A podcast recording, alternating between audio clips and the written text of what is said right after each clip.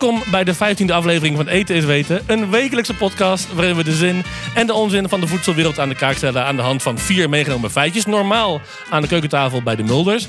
Maar vandaag zijn we live met publiek eh, bij de Amsterdam Green Campus.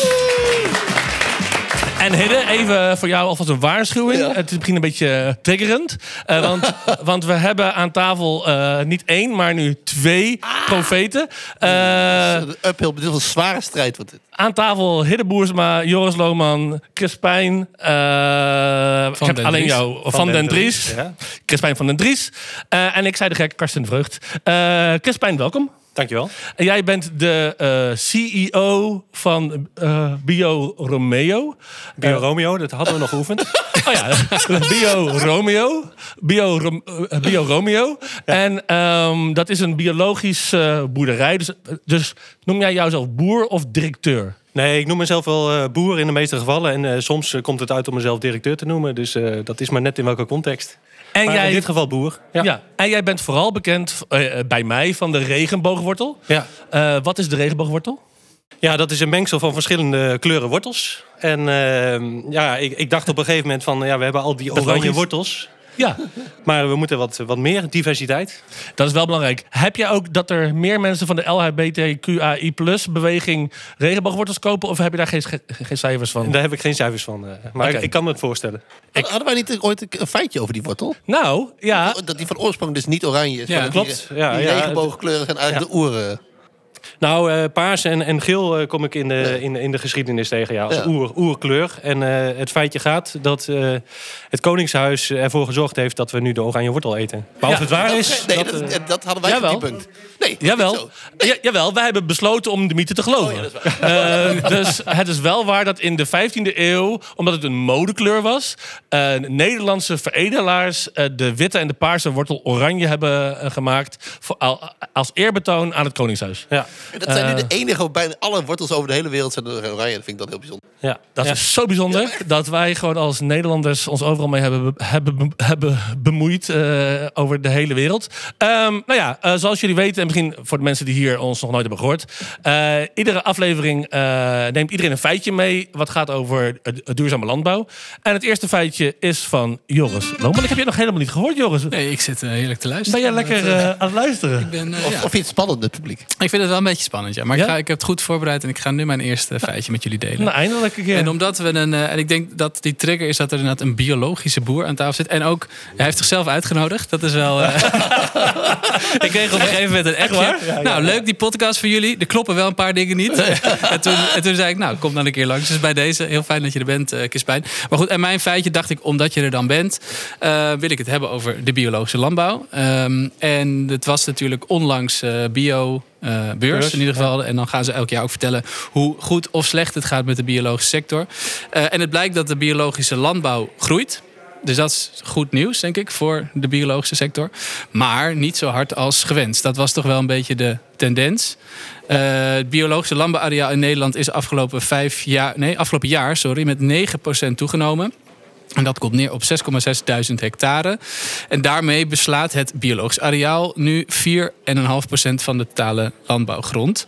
Maar het marktaandeel van eh, biologisch in Nederland stagneert eh, rond de 3%. Eh, en dat, daar is Bionex, de belangenbrancheorganisatie van Bio, natuurlijk niet blij mee. Want we weten dat in ieder geval in, op Europees niveau... In Nederland hebben we een doelstelling afgesproken... of proberen we een doelstelling te bereiken... en dat is 15%. Eh, en in Europa gaat het zelfs over 25% Dus, eh, en daarbij is, wordt dus wel gezegd, nou ja, er is groei. En het, eh, maar we, bij, lange na niet eigenlijk zo snel als we zouden willen. Dan is voor Hidden natuurlijk heel erg de vraag wie is we. Maar om eh, die doelstellingen eh, te bereiken. Maar eh, het is ook wel een feit dat überhaupt groei lastig is bij biologische landbouw, toch? Want je hebt minder opbrengst per hectare. De- ja, nou, dat ligt een beetje aan naar eh, welk Dat is een gewas beetje je het kijkt. thema dit, Ja. toch? Vlinderbloemen geniet. Vlinderbloemen geniet? Nee, Wat zijn vlinder... eh, Vlinderbloemen zijn, nou ja, zijn eh, gewassen die zelf stikstof uit de lucht op kunnen nemen. En die hebben dezelfde opbrengst ongeveer. Ja, en zo zijn er wel meer gewassen hoor. Eh, peen eh, kan je bijvoorbeeld ook dezelfde opbrengsten wel halen. En eh, ja, met aardappels en uien lukt het eigenlijk ook steeds beter. Omdat we daar bijvoorbeeld met resistente rassen werken. Dus die resistent zijn tegen bepaalde ziektes of plagen. Ja. Ja. Uh, misschien ook even, want ik, het wordt geen interview, maar toch een paar vragen stellen. Even, wat, wat, is, wat is biologische landbouw nou? Want de, daar, eh, iedereen denkt dat te weten. Maar uh, als, Ja. als ik daar een boer, een, een gewone biologische boer vraag, wat, hoe omschrijf jij biologische landbouw? Nou, als je het hebt over akkerbouw, waar ik eh, dan in zit, dan is het bijvoorbeeld. eh, eh, de grote verschillen zijn geen gebruik van kunstmest eh, en bestrijdingsmiddelen. Chemische bestrijdingsmiddelen moet ik zeggen.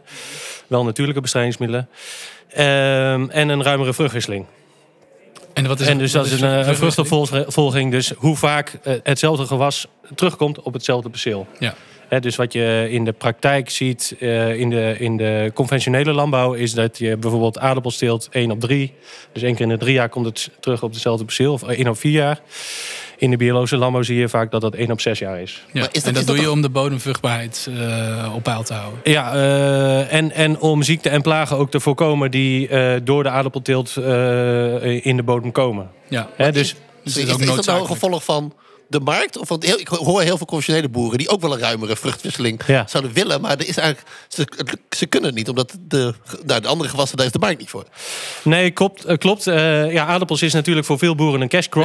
Ja, Eh, ehm, eh, en in de biologische landbouw zijn er, ja, zie je dat er wel veel meer cash crops zijn. Zoals Ja, eh, oh ja. rode bieten en wortels en uien en pompoenen. Ja. Pompoenen is wel, ja, bijna alle pompoenen die je vindt in de supermarkt zijn biologisch. Oh ja? En dat is gewoon echt een biologisch, zeg maar, of eh, dat is uit de biologische landbouw gekomen. Ja, precies. Eh, en dus, dat is, oh ja, dus we hebben in die zin wel wat meer keus. En ook de indus- industriegewassen, zoals we dat noemen. Dus eh, die, de diepvries ingaan. Of het potje ingaan. Ja, die worden ook biologisch ook best, best wel Ja. veel geteeld in Nederland. Dus we zouden eigenlijk misschien ook als de conventionele eters gewoon veel diverser moeten eten. Om die boeren de kans Ja. te geven om die vruchtwisseling ruimer te houden. Maar je zult toch al- wel altijd gewoon aardappelen nodig Ja, hebben? bijvoorbeeld, wij eten veel te weinig, in Nederland eten we bijvoorbeeld heel weinig linzen. En, en, dat soort dingen. En linzen zijn heel goed voor de, voor de vruchtwisseling. En heel goed voor de bodem. Eet, Ja? meer, eet meer linzen. Ja, ja precies. Eh, Linzen, eh, voorbeeld van een pulvrucht. Ja, Ja, absoluut. Ja.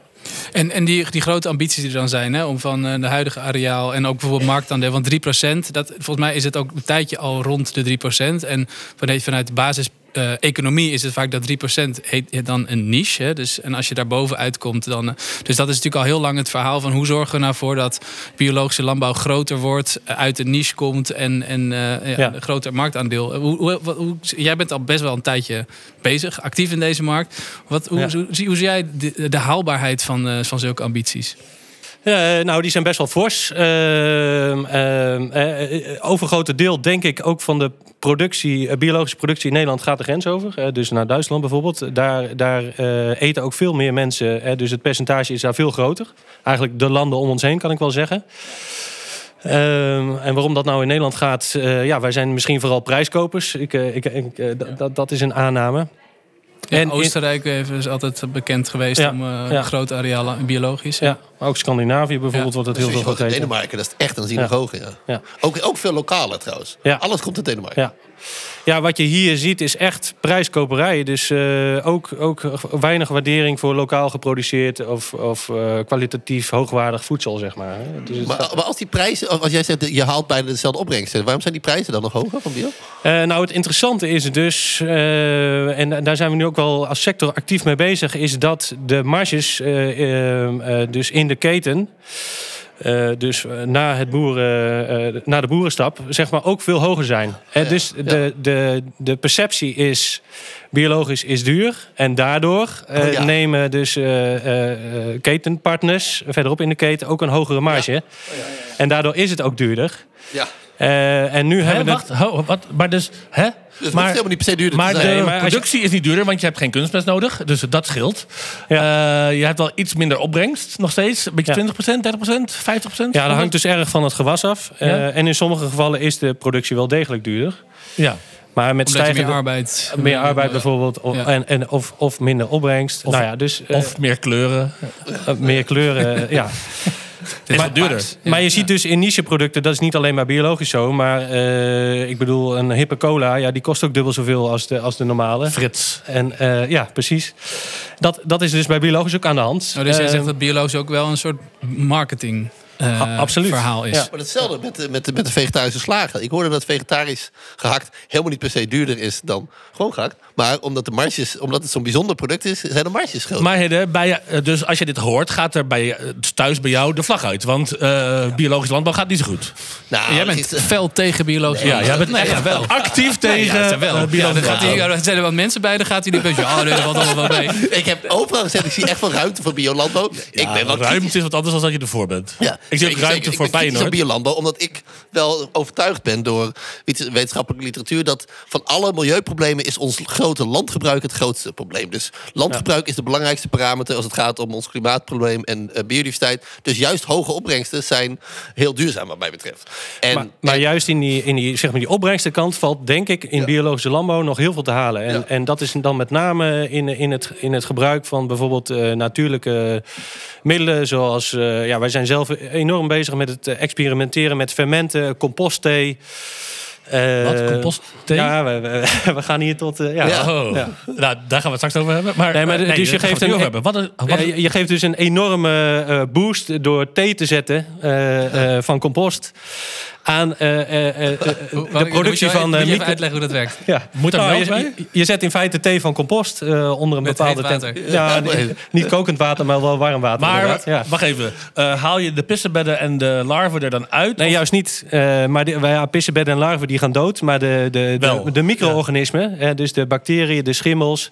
die gaan zich in zo'n eh, thee gigantisch vermeerderen. Ja. En die spuit je dan over je, over je land of over je gewas. Oh, je, niet, dus niet thee Nee, om zelf. jezelf. Nee, nee, nee. nee. Het is thee voor je Nou, gewas. Wie, kun je dat even zeggen? Of gewoon van, eh, ik zat even denken. eh, eh, Ik vind het dus, kijk, omdat de biologische boeren het zichzelf vaak moeilijker maken, doordat ze geen kunstmest gebruiken, zijn ze af en toe wel een stuk creatiever. Dus ik vind dat er heel, dus allemaal, ik vind dat er echt wel veel moois komt uit de biolandbouw.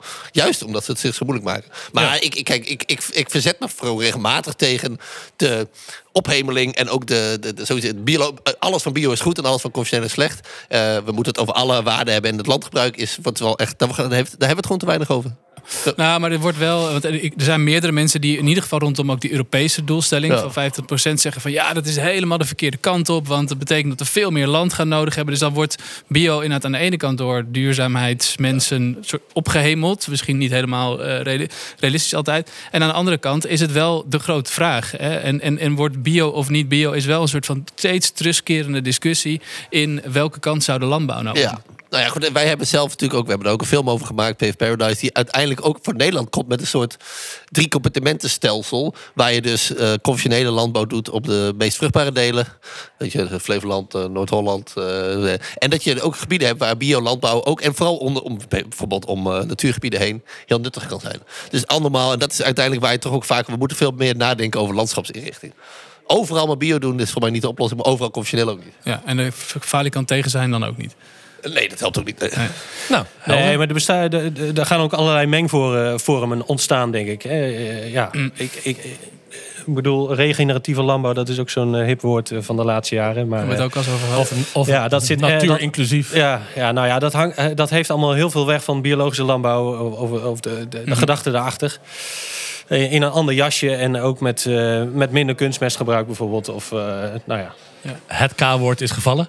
En wat is Eh. volgens jou de, de, de. Wat moet er nu echt gebeuren? Want die, die 3% daar komen we niet eh, zo makkelijk overheen. Eh, wat, wa- waar, waarom, hoe kunnen we voor elkaar krijgen dat wel die wat marktendeel gaat, gaat Nou, stijgen? Nou ja, wat, is een mooi voorbeeld om niet om reclame te maken, maar de, Nee, nee. de plus, de, plu- de plus supermarkt hebben we zover gekregen. Ik koop er zelf over, overigens nooit. Hoor. Dus, maar de plus supermarkt hebben we zover gekregen dat ze, dat ze bijvoorbeeld alle melk hebben omgewisseld voor de biologische variant. En Ja.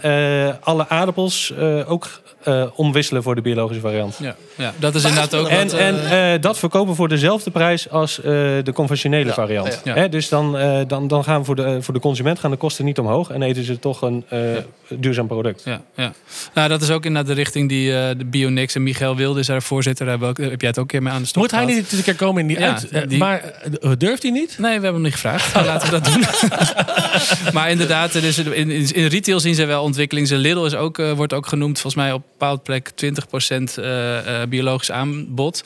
Dus op die manier kijken of de aanbod vergroot wordt. Dat is waar de brancheorganisatie Bionix zich ook hard voor maakt in de komende jaren. Oké, we gaan naar het tweede feitje. En dat is een feitje van mij. Ehm, en mijn feitje is: eet meer aardappel voor wereldvrede. Ehm, overal. ehm, ja, Maakt het uit of het bio is? Of, eh?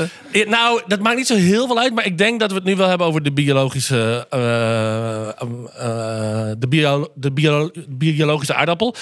Even een stukje geschiedenis. De aardappel komt uit Zuid-Amerika, dat weten we allemaal. Eh, wij waren Niet in. uit de Flevopolder? Nee, wij Dat waren was het toen nog niet? in Nu- nu Ecuador. En toen zeiden ze, er is hier een, iets van een eiland in de vorm van een aardappel. En daar komt het vandaan. Nou, volgens mij is eigenlijk ieder eiland lijkt op een aardappel.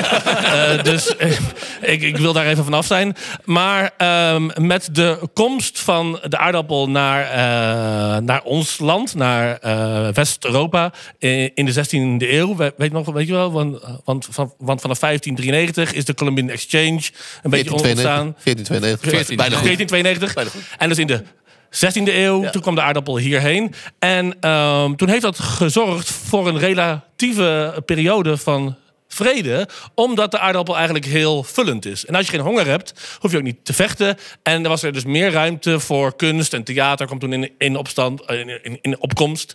Eh, en dat komt dus door de aardappel, jongens.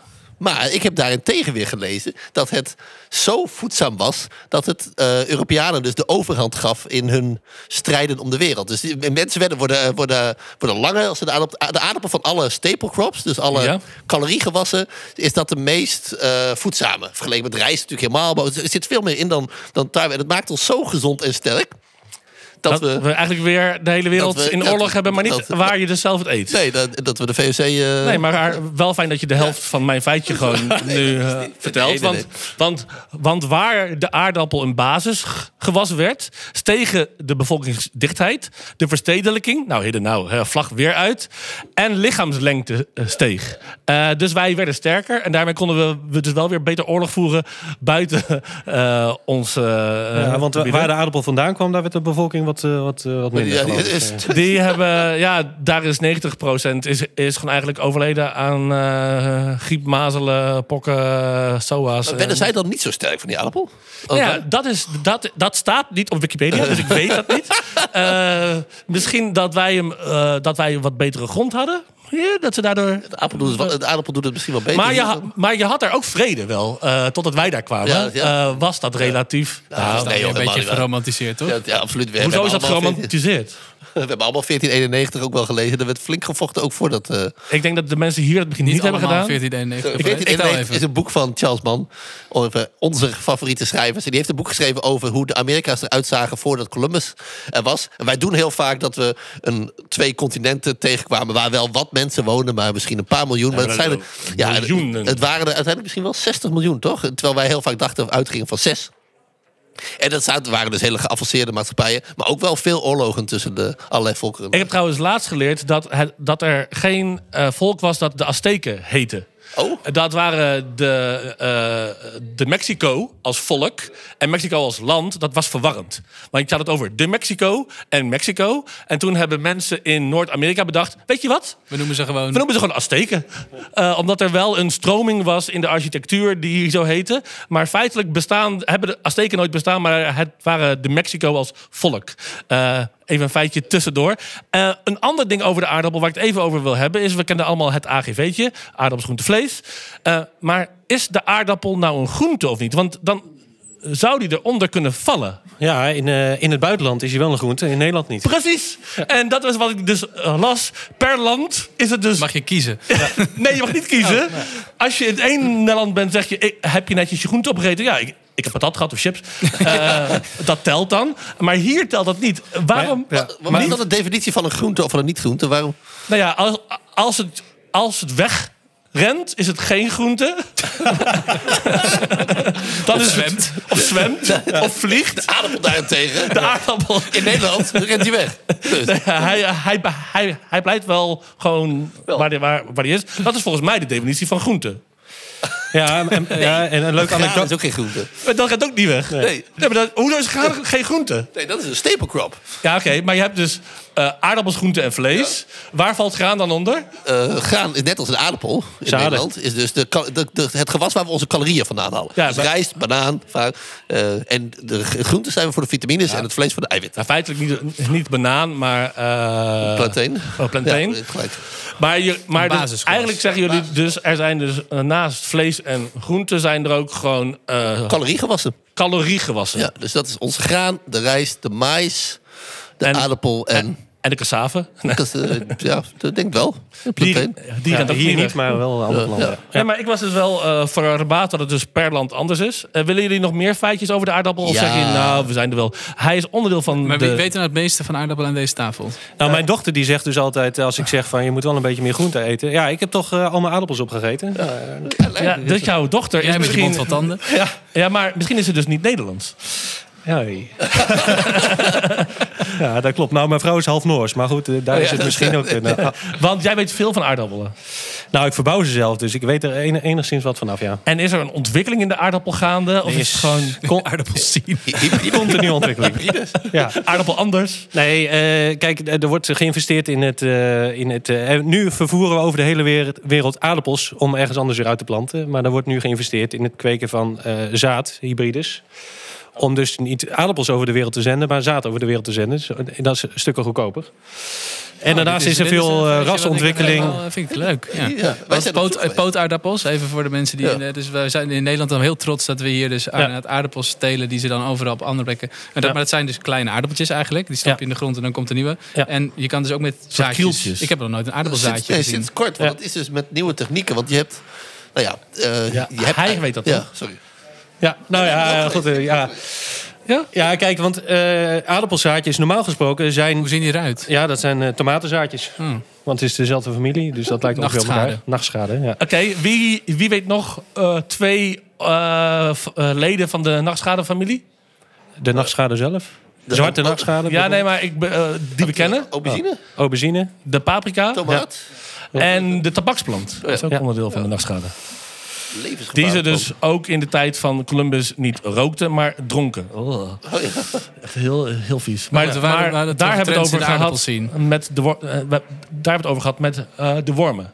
Ja. Oké, maar dus... Nog eh, een trend is een trend? eh, rasontwikkeling. eh, dus eh, dat ze resistent zijn tegen bepaalde ziektes. Eh, bijvoorbeeld Vitoftra is echt een eh, groot probleem in, de- in de aardappelteelt. Er wordt heel veel bestrijdingsmiddelen eh, tegen Dat is een gebruikt. aardappelziekte. Aardappelziekte. Phytophthora is een soort schijnschimmel, toch? Ja. Die zich voordoet als een schimmel. Oh, Ja. oh, miserie. Maar eigenlijk is hij het niet. Nee, nee, het is een heel inventief eh, eh, ja, micro-organisme. Ja, en die schijnt dus ook al per seizoen te kunnen veranderen van vorm. En daarom is het heel lastig om resistentie tegen op, Ja, op, ja. op te bouwen. Maar goed, er zijn heel veel resistentiegenen en die komen dan weer uit de Andes, Ja. bijvoorbeeld, waar Ja. de aardappel vandaan komt. En die zijn er in de wilde natuur en die worden dan weer eh, ingekruist eh, in, eh, in bestaande rassen. Oké, dus als wij een betere aardappel willen en we, en we willen wereldvrede, eet dan aardappel Andes. Ja. Oké. Het eh, derde feitje eh, is van onze gast Crispijn. Ja, nou, ik, ik wilde dus eigenlijk een, eh, een, een, een lans breken voor meer klaver of meer vlinderbloemige teelt eh, in, in, in de landbouw. Klaver, zeg je. Ja, klaver. Vier of drie? Of, een klavertje 4 is nat- natuurlijk het beste. Maar Ja. of rode klaver of witte klaver of luzerne, ik, ik noem er een aantal. luzerne, zeg jij. Dat is Ja. ook zo- zo'n zo'n gewas wat je nooit van hebt gehoord als je niet Nee. Maar kun je met het eten? landbouw te maken Eh, nou, eh luzerne kent iedereen waarschijnlijk wel als die kiemen eet. Alfalfa kiemen, dat is ook luzerne, maar dan de kiem ervan. Oké. Wist ik niet. Vind ik leuk. En, en, en, ehm, en jij brengt een lans voor dus eh, klaver. Ja, omdat je, als je dat zeg maar dus in je vruchtopvolging, in je vruchtwisseling toevoegt, eh, kan dat voor gigantische hoeveelheden eh, eh, stikstof met name zorgen in je grond. Eh, waar dan het volgende gewas weer enorme profijt van heeft. En dat betekent dus eh, veel minder mest gebruikt. Stikstof is goed. Stikstof is, eh, je hoort af en toe dat het slecht is, maar het is ook heel erg goed. Nee, want we hebben in de vorige aflevering, voor de mensen die, die hebben we net opgenomen en die wordt straks uitgezonden, dus die hebben jullie nog niet gehoord. Maar we hebben een beetje de basisdingen uitgelegd wat een plant nodig heeft om te groeien. En dat is een P en een K en een N. En de Ja. P staat voor fosfor en de K staat voor kalium en de N staat voor stikstof. Ja. Maar met die drie bedden natuurlijk nog lang niet. Hè? Nee, je hebt ma- ook water nodig. Water en micro-organismen. En, eh, Zon. Zon en micronutriënten. Magnesium, is een hele belangrijke. Hey, toch even... Wat, wat, hoe werkt zo'n vlinderbloemige? Wat doet hij nou anders dan... eh, Hij vlinder. Nou, die, eh, die werkt dus eh, samen met een, eh, met een eh, bacterie, rhizobiumbacterie. En eh, daardoor kan die eh, stikstof uit de lucht binden. Ehm, eh, en dat, geeft, dat doet die bacterie samen met die plant. En dat geeft hij in feite aan die... eh, daardoor groeit die bacterie. Eh, maar die geeft dat ook weer af aan de, aan, de, aan de grond bijvoorbeeld. En het zit ook in de plant zelf. Dus in de worteldelen, maar ook in de, in de plantdelen. En als je zo'n klaver dus bijvoorbeeld gaat maaien... dan krijg je nog veel meer stikstof. Tot bijvoorbeeld met rode en witte klaver wel 500 kilo per hectare per jaar aan, eh, aan eh, stikstof beschikbaar. En, en, en hoe verhoudt dat zich dan tot kunstmest en mest? Eh, nou ja, en bijvoorbeeld eh, wij telen witte kool. Daar eh, voegen we zo'n zo'n eh, 35 ton drijf, koeiendrijfmest aan toe. Daar zit ongeveer 3 kilo stikstof in. Dus dat is nou, rond de 100 kilo stikstof. Ja. Nou, dat zou je ook in de vorm van bijvoorbeeld als je die klaver maait en op dat koolveld direct weer uitrijdt, zou je dat in de vorm van klaver bijvoorbeeld kunnen toepassen. ja, want ik heb begrepen dat als we geen mest of kunstmest gebruiken op onze akkers, dan putten we de aarde uit. Maar jij zegt, ho, ho, ho, ho, ho, er zijn nog andere opties. Ja, nou kijk, met, eh, met de micronutriënten en eh, fosfaat en kali eh, zou je die gedachtegang kunnen hebben inderdaad. Omdat die niet vanuit de lucht worden gebonden in principe. Maar stikstof, ja, die, die kan je dus met planten uit de lucht binden. Ja. En eh, eh, kan je er dus voor zorgen dat dat in balans blijft. En, Maar je en- gebruikt alsnog ook dierlijke mest. Want ik zit even, we waren tot Waarom een hele, hij- ja, waarom doet een hij- hele waarom mooie conclusie gekomen. ja. Kunstmest is, we kunnen niet zonder kunstmest. Jij zegt eigenlijk, we kunnen best zonder kunstmest. Alleen- Jij kan dan zonder en, kunstmest. Jij in gebruikt ieder geval- sowieso geen kunstmest. Nee, ik gebruik sowieso In geen kunstmest, maar ook, eh, ook dierlijke mest. Nou, omdat het eh, op dit moment, en, maar dat komt nu aardig in evenwicht...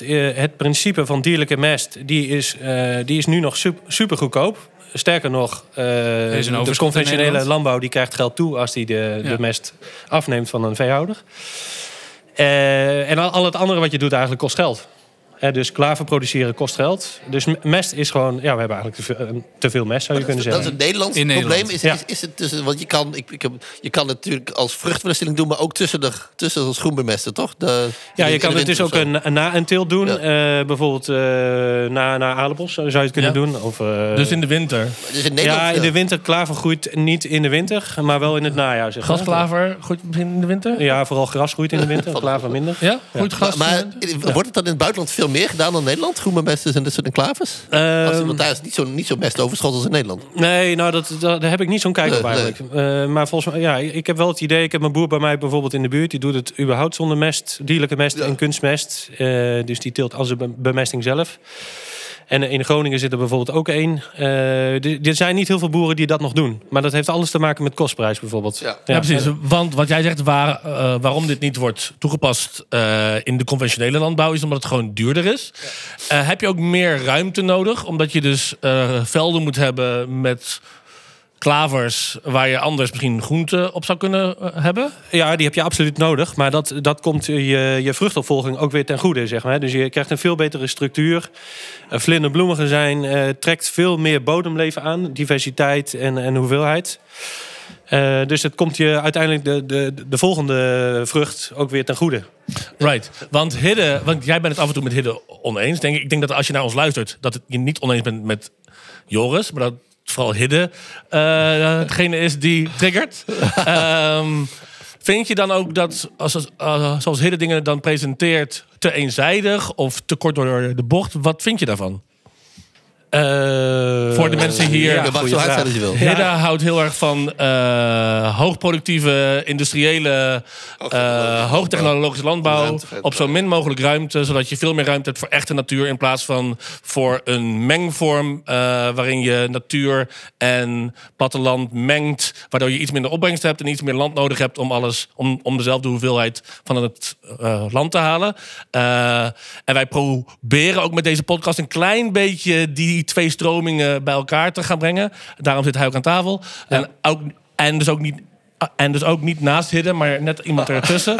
um, maar vind je Hidden dan te kort door de bocht? Nou, ik denk dat wij elkaar ook op een aantal raakvlakken kunnen vinden. Maar uh, kijk, die hoog, hoogproductieve landbouw... ik denk dat, het, dat dat dus ook op een natuurinclusieve manier uh, kan. Oké, okay, noem eens ja. een voorbeeld. Eh, ja, dus samenwerken, dus landbouw en natuur integreren. Hè. Dus eh, eh, kijk, de, de, al die nutriënten waar we het net over hadden, de magnesium, maar er zijn de talloze, die kan je dus ook op je land krijgen of van onder in je land. Hè. Dus laten we zeggen een meter diep naar boven krijgen waar je akkerbouwgewassen bijvoorbeeld groeien. Door allerlei kruidachtige planten. Of een boom. of een boom te groeien. Dat is wel onhandig Eh, binnen in een akker. Ja, een boom dan wel, maar, maar kruiden kan prima. Eh, tussen je gewassen door of eh, als groenbemester. Om, om juist die mineralen weer eh, beschikbaar te krijgen. Maar dan, maar dan heb je dus nog steeds weer meer land nodig. Waar je dan eerst natuur zou hebben. Waar je dan nu akker hebt. Nee, dat, nou, dat, dat is dus maar, dat is dus maar de, de vraag. Ja, Ja, en, Want als je die kruiden zeg maar, door je gewassen mengt. ja? eh, hè, dus het zijn eigenlijk kruiden die eh, benefits eh, hebben voor je hoofdgewas. Sure. Op dat moment. Eh, dan denk ik niet dat je, dat je meer land nodig hebt. Oké, Hidde? Ja, nee, kijk, voor een deel geloof ik hier dus ook wel in, weet je. wel. Kijk, ik, Ja, nee, hallo. Je gaat Ja, nee, niet, niet, opeens kijk, het punt is, eh, ja, kijk, ga- Ik, heel ik, veel- ik, ik, loop met Crispijn heilige, heilige, heilige Nee, gevechten op te tuigen hier. Ik, ik, ik, ik, ik, neem straks nog even de nee, in. Hallo, één tegelijk. Zo'n zo'n eh, instituut voor agro-ecologie en technologie, weet je wel. Die dus een beetje allerlei dingen mengt. Zo natuurlijke vijanden, groenbemesters, ruime vruchtwisseling, al die dingen. eh ja, let's- strokenteelt, let's go, weet je wel. Dus alleen de natuur op zo'n natuur inclusief eh, veld is, nog steeds, nee, is natuurlijk nog steeds wel één vaak functioneel. Dus er is een functionele biodiversiteit. Maar vooral ook nog steeds heel laag vergeleken met echt en heel anders dan echt wilde natuur. Ja, want dus je, hebt zo'n een soort- beetje een kieviet eh, en verder niks. een paar, ja precies. En, dan, en dus, ik, voor mij betreft, zijn die opbrengsten nog steeds leidend om ergens ruimte te maken. Als je dat op een zo natuur mogelijke, natuurvriendelijk mogelijke manier doet, dan is dat fijn. Maar je ziet af en toe nu nog dat er eh, methodes, het biologische landbouw, agro-ecologie, voedselbossen hebben dat helemaal. Voedselbossen halen, denk ik, een kwart tot, een, tot de helft van de opbrengst. Dan wordt het problematisch. Maar als je eh, allerlei natuurlijke technieken kan inzetten om die opbrengst heel hoog te halen. Ja, gelijk doen natuurlijk. Want ik, ik wil niet per se bestrijdingsmiddelen gebruiken. Liefst zo weinig mogelijk. nou, maar wel, eh, eh, je moet alleen altijd wel een afweging maken. Als je zegt, we gaan af van de bestrijdingsmiddelen en dat kost heel veel opbrengst. Dan ben je soms slechter af. Ja, want, jij bent voor glyfosaat, bijvoorbeeld. Eh, ik zie, eh, ja, ja, ja, ja. Ik ben, ja, nee, Tegen Crispijn, maar voor glyfosaat. ik ben Crispijn bestrijden met glyfosaat. Nee, maar daar, daar ging het inderdaad eh, een aantal Ja. podcasts geleden nog Ja. over. Ja. Interessant. eh, Ja, ook, nee, ik- want, ik, eh, eh, kijk, er zijn ook- heel veel technieken die Ja. glyfosaat wel kunnen vervangen. Ja, ja, ja. Zoals? Ja, eh, er werd dan, eh, er werd dan gerefereerd aan, eh, aan ploegen bijvoorbeeld dat dat glyfosaat vervangt. Maar dat het een, echt een hele slechte methode is. Ja. En eh, dan ben ik op zich met je eens dat het voor bodemleven niet zo goed is. Maar nu in de praktijk zie je vaak in conventionele landbouw dat ze eerst het land doodspuiten met glyfosaat en dan vervolgens nog omploegen. Ja, ik denk, ja, waar, ben je dan mee Dat bezig? vind ik ook waardeloos. Ja, maar dat is ook dubbelop. toepassingen. En, en onkruidbestrijding. eh, ja, er zijn ook allerlei technieken die van oorsprong uit de biologische landbouw eh, of daar zijn ontwikkeld. eh, zoals schoffelen, interrij schoffelen tegenwoordig met, eh met Maar heel even, eigenlijk was alles voor 1800 biologisch, toch? Dus, Nee, maar die de, zeg maar de laatste 20, 30 jaar zijn ontwikkeld. ja, oké. Ja. En uiteindelijk denk ik ook dat je, je hebt natuurlijk hele ontwikkelingen eh, met eh, mechanisch wieden, weet je wel, dat je dat doet met zo'n robot, eh, zo'n laser. Uiteindelijk Die gaat zijn het er wel gigantisch. uit. Ja, die zijn eh, glyfosaat ontwikkelingen. gaat er uiteindelijk uit. Wat mij heel erg stoort is dat, het zo, dat er is een soort aanval op glyfosaat zijnde. Het ver- veroorzaakt van alles. En als je, weet ik veel, kanker, Parkinson. Nou, daar lijkt heel weinig echte aanwijzingen voor. Dus ik zie heel erg dat glyfosaat wordt gepakt als een soort... Omdat het zo belangrijk is voor de conventionele landbouw... pakken we dat bestrijdingsmiddelen. Dat zijn veel schadelijke bestrijdingsmiddelen. Maar daar gaat het niet over. Weet Nou je? Dus- Nee, absoluut. Dat is een beetje de boeman. Ja, Maar ja. het gaat natuurlijk ja, in mijn Maar optiek ik- over het bredere Ja. eh, verhaal. Ja. Maar jij zegt dus eigenlijk, eh, concluderend, geef die eh, klaver nou een kans.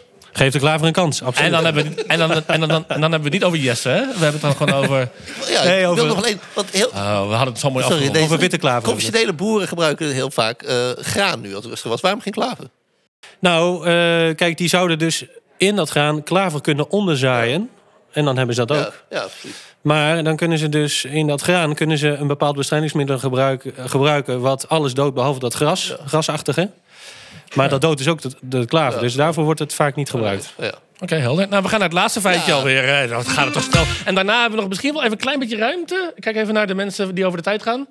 Eh, we hebben dan straks nog vijf minuten. Of nu nog vijf minuten? We hebben nu nog vijf minuten. Oh, kort. Oké, nou, lekker hidden. Ga je gang. Gelukkig, meestal praat ik niet zo snel. Dus. En articuleer je Ja, goed. en articuleer goed. Ja, ik, eh, het heeft tot aflevering 15 geduurd. Maar ik ga vandaag een stokpaardje bereiden. Maar als we, daar niet, als we dat niet afmaken, dan gaan we dat even in de volgende aflevering even af. Oh ja. af eh, Ehm, ja, en dat is uh, dat ik vind dat uh, uh, NGO's, milieubewegingen, een, een, een kwalijke rol hebben als het gaat om de acceptatie van genetisch gemodificeerde gewassen in Afrika. Wat dus goed is. Ja, wat, nee, ik, ik, ik vind genetisch gemodificeerde gewassen een, uh, een uitkomst. Ik, vind, ik denk dat ze kunnen bijdragen aan voedselzekerheid en ook aan duurzaamheid. Uh, en ik kwam hierop omdat ik uh, andermaal, ik zag een bericht over een banaan met extra vitamine A in Oeganda. Waar een land waar nog steeds een vitamine A gebrek uh, heerst. En het kwam weer heel moeilijk de markt op omdat de, uh, de overheden, de, de, de, de Oegandese overheid, die had zich toch wel de oren laten hangen naar alle NGO's. En heel, net als heel veel andere Afrikaanse landen hebben dus een, een verbod erop. Nou ja, maar, maar dat, dat, komt ook omdat hun grootste exportmarkt uh, is Europa. Ja. En wij zijn niet zo'n fan van Nee, Gentech. dat speelt absoluut Om- mee. om- om- maar hier bijvoorbeeld deze banaan was echt voor de lokale markt. Ja. En ja, kijk, ik, ik vind het dus een vorm van... Hm? Wat? plantain, ja, dit was wel echt een banaan. Uh, Maar dit was een... Ik vind het toch een vorm van neocolonialisme. Dat, kijk, heel veel NGO's hangen toch een klein beetje dat...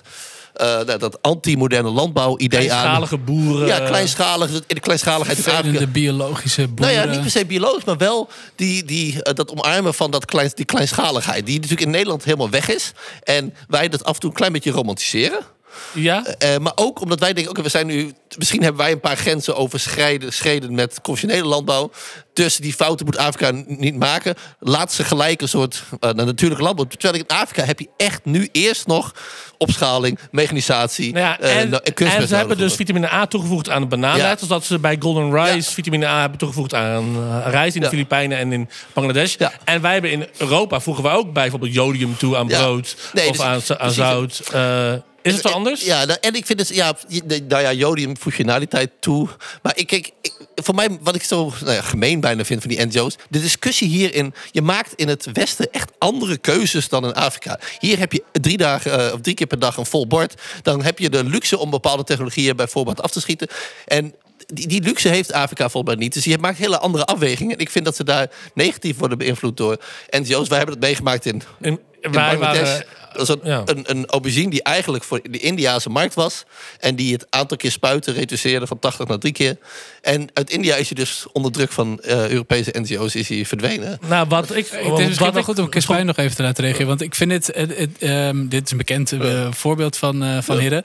Eh, wat je, het interessante dat je toch ook een soort van, ehm eh, eh, s- hoe heet dat, waanbeeld, of eh, eh, ehm, nee, een waanbeeld. een waarbeeld hebt.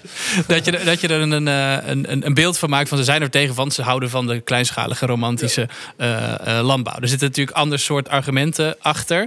Eh, en ik vraag me, want de- in Nederland is de biologische sector ook heel erg tegen genetische eh, modificatie in allerlei vormen. We voeren daar ook campagnes tegen. We hadden het even over Phytophthora. Dat is ook zo'n zo'n eh, thema waarbij jij vaak hebt gezegd... ja, je kan Phytophthora heel goed bestrijden eh, met, door middel van genetische technieken. CRISPR. En jij zegt, nou ja, we hebben ook allerlei resistente gewassen in de biologische landbouw. Even, jij als biologische boer, en onder, wat, hoe, hoe kijk jij nou naar deze discussie?